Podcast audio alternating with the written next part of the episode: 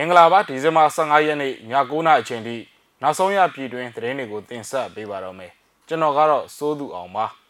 ၄ကီကောမြို့တင်မှာအခုညနေပိုင်းတိုက်ပွဲတွေထပ်မံဖြစ်ပွားနေတယ်လို့သိရပါတယ်ရွှေကုတ်ကိုမြို့တင်မှာတော့ရက်ကွက်တစ်ခုကိုအမျိုးသား15ယောက်ပေးဖို့ BGF ကချင်းချောက်တောင်းခံနေပါတယ်မြန်မာစစ်ဘေးရှောင်တွေကိုကူညီထောက်ပံ့မယ်လို့မီဇိုရမ်ပြည်နယ်ဝန်ကြီးချုပ်ကပြောကြားလိုက်ပါတယ်နိုင်ငံတကာသတင်းတွေဘက်မှာတော့ တရားလက်မဲ့တပ်ဖြတ်မှုတွေရဲ့နောက်ွယ်မှာတာလီဘန်တွေပါဝင်နေတယ်လို့ကုလသမဂ္ဂကပြောလိုက်ပါတယ်ဒီအကြောင်းတွေပါဝင်တဲ့နောက်ဆုံးရပြည်တွင်းနဲ့နိုင်ငံတကာသတင်းတွေကိုတင်ဆက်ပေးပါတော့မယ်မြောက်ရီမြို့တောင်ဘက်မှာရှိတဲ့၄ကီကောမြို့တင်မှာဒီကနေ့နေ့လယ်ပိုင်းမှာတိုက်ပွဲခဏရန်နာခဲ့ပေမဲ့ညနေ6နာရီကျော်လောက်မှာတော့တိုက်ပွဲတွေပြန်လည်ဖြစ်ပွားနေတယ်လို့ဒေသသွင်းနေထိုင်သူတွေကပြောပါတယ်နောက်ဆုံးထွက်ပေါ်လာတဲ့သတင်းတွေအရတော့ အဝိုင်းခံထားရတဲ့စစ်ကောင်စီတပ်ဘက်က KNLAC ကို ပြန်လည်ထောက်ခွာခွင့်တောင်းခံထားပြီးတပ်တွေပြန်ဆုတ်ဖို့ကြိုးပမ်းနေကြောင်းလည်းဆိုပါတယ်။အလားတူပဲတိုက်ပွဲကြောင့်ရက်ကွက်နေပြည်သူတွေနဲ့အနီးအနားမှာရှိတဲ့ကြေးရွာတွေက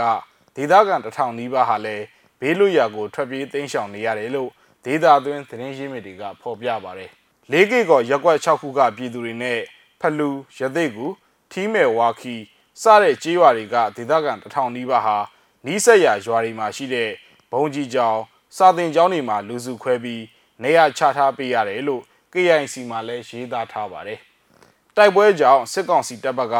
အရာရှိတွေအပါအဝင်6ယောက်သေပြီးတော့10ယောက်ထပ်မံအရှင်ဖမ်းမိခဲ့တယ်လို့သတင်းတွေလည်းထွက်ပေါ်နေတာပါ။မွန်လွဲတနအီကျော်မှာတိုက်ပွဲတွေငြိမ်သက်ခဲ့ပေမဲ့လည်းမြဝတီကနေမဲထော်တလီ 4K ကော်ဘတ်ကိုစစ်ကား10စီးလောက်အင်အားဖြည့်ထပ်မံဝင်ရောက်လာခဲ့တယ်လို့လည်း မျက်မြင်တွေ့ရသူတွေကပြောပါတယ်အခုညပိုင်းအချိန်ဒီအသေးစိတ်တွေကိုတော့မျက်စိမကဆက်လက်စုံစမ်းနေတုန်းဖြစ်ပါတယ်ကရင်ပြည်နယ်မြဝတီမြို့ရွှေကုတ်ကိုမြို့တင်မှာတော့စစ်ကောင်စီလက်အောက်ခံနေကြားဆောင်တပ် BGF ကရက်ကွက်တစ်ခုကိုအမျိုးသား15ယောက်ပေးဖို့အုပ်ချုပ်ရေးမှုတွေကနေတဆင့်ချင်းချောက်တောင်းခံတာလူသစ်စုဆောင်းနေကြောင်းဒေသခံသတင်းရင်းမြစ်ကမျက်စိမှကိုပြောပါတယ်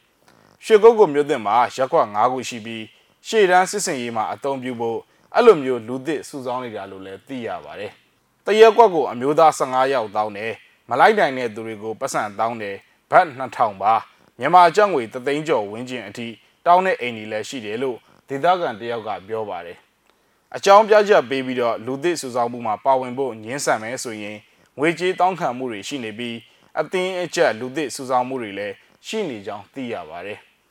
ပြီးခဲ့တဲ့ရက်ပိုင်းကရွှေကုတ်ကုံမြို့သစ်ထဲမှာရှိတဲ့ရာထိုက်အိမ်ယာမှာလုံခြုံရေးအလုပ်လုပ်ဖို့ဆိုပြီးအမျိုးသား15ရက်ကိုခေါ်သွားတယ်။ဒီမှာကလုံခြုံရေးလုပ်ချင်ရင်တော့မှ BGF ရဲ့စစ်တင်တန်းတက်ရတယ်။အဲ့ဒီနေ့ကခေါ်သွားတဲ့လူတွေနဲ့အခုထိအဆက်အသွယ်မရသေးဘူးလို့နောက်ထပ်ဒေသခံတယောက်ကလည်းပြောပြပါတယ်။ BGF အနေနဲ့ရွှေကုတ်ကုံမြို့သစ်ထဲမှာလူသစ်စုဆောင်းမှုကိုနှစ်ဆင်လှုပ်ဆောင်နေပြီးအခုအချိန်မှာကရင်ပြည်နယ်အတွင်းတိုက်ပွဲတွေထပ်မံပေါ်ပေါက်နေတာကြောင့် ဒေသခံတွေကလည်းစိုးရိမ်နေကြပါတယ် BGF ဟာသူတို့ထိန်းချုပ်နယ်မြေဖြစ်တဲ့ရွှေကုတ်ကုတ်မြို့သစ်ထဲမှာလူအခွင့်အရေးချိုးဖောက်မှုတွေကိုလည်းလှုံ့ဆော်နေကြောင်း KNU ကသတင်းထုတ်ပြန်ထားခဲ့ဘူးပါသေးတယ်ခင်ဗျမြန်မာစစ်ဆောင်တွေကိုကူညီထောက်ပံ့ပေးမယ်လို့အိန္ဒိယနိုင်ငံမီဇိုရမ်ပြည်နယ်ဝန်ကြီးချုပ်ဖြစ်တဲ့ဇိုရမ်ထန်းငါကအိုက်ဇောမြို့မှာပြောဆိုလိုက်ပါတယ်ဒီဇင်ဘာ23ရက်က CN Conference Hall မှာ မြန်မာနိုင်ငံကလွှတ်တော်ကိုယ်စားလှယ်တွေစစ်ဘေးရှောင်တွေကိုကူညီပေးနေတဲ့အဖွဲ့အစည်းတွေနဲ့သွေးဆုံစင်မှာအခုလိုပြောလိုက်တာပါကျမတို့ဒီဘက်ကိုရောက်ပြီးပထမဦးဆုံးသွေးဆုံဖြစ်တာပါဝန်ကြီးချုပ်ကသူ့အစိုးရအနေနဲ့အတက်နိုင်ဆုံးကူညီထောက်ပံ့ပေးဖို့အာမခံပြောကြားခဲ့ပါတယ်လို့ဆွေးနွေးပွဲမှာတက်ရောက်ခဲ့တဲ့ကလေးမျိုးတိုင်းဒေသကြီးလွှတ်တော်ကိုယ်စားလှယ်ဒေါ်တန့်ဝေကျော်ကပြောပါတယ်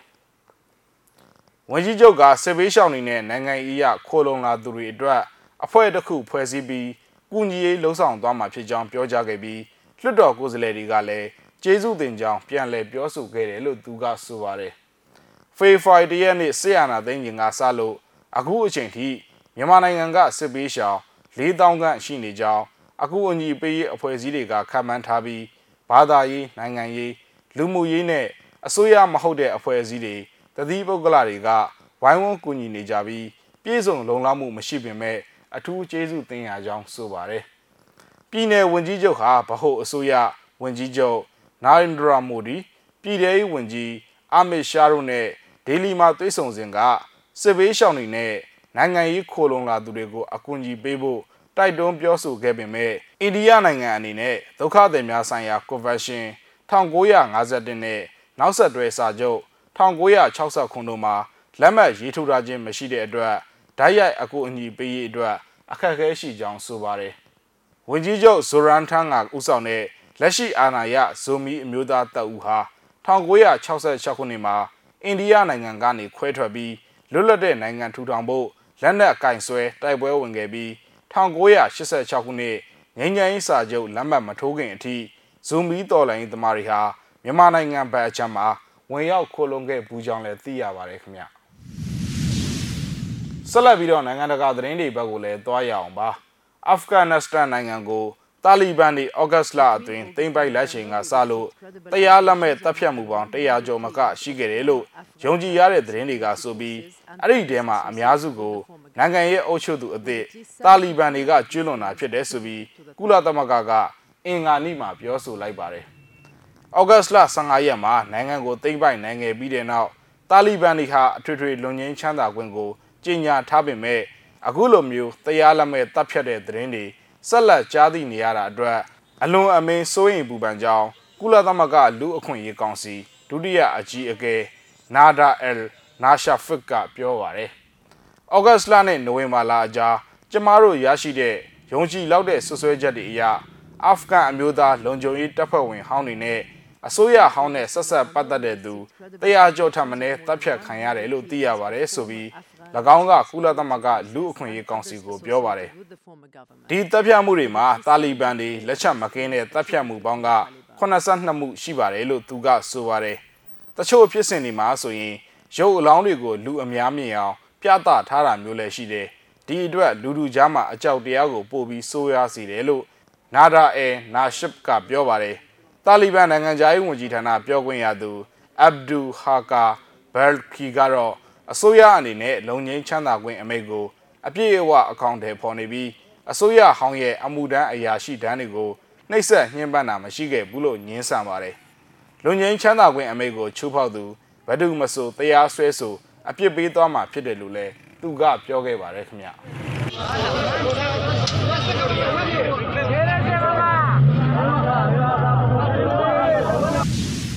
မြစီမရဲ့သတင်းအစီအစဉ်တွေကိုဒီမှာခဏရန်နာကြပါတယ်ကြည့်ရှုခဲ့ကြတဲ့မိဘပြည်သူတူးချင်းစီကိုကျေးဇူးအထူးပဲတင်ရှိပါတယ်ကျွန်တော်တို့သတင်းနဲ့အတူတူပြန်ဆောင်ကြပါအောင်မယ်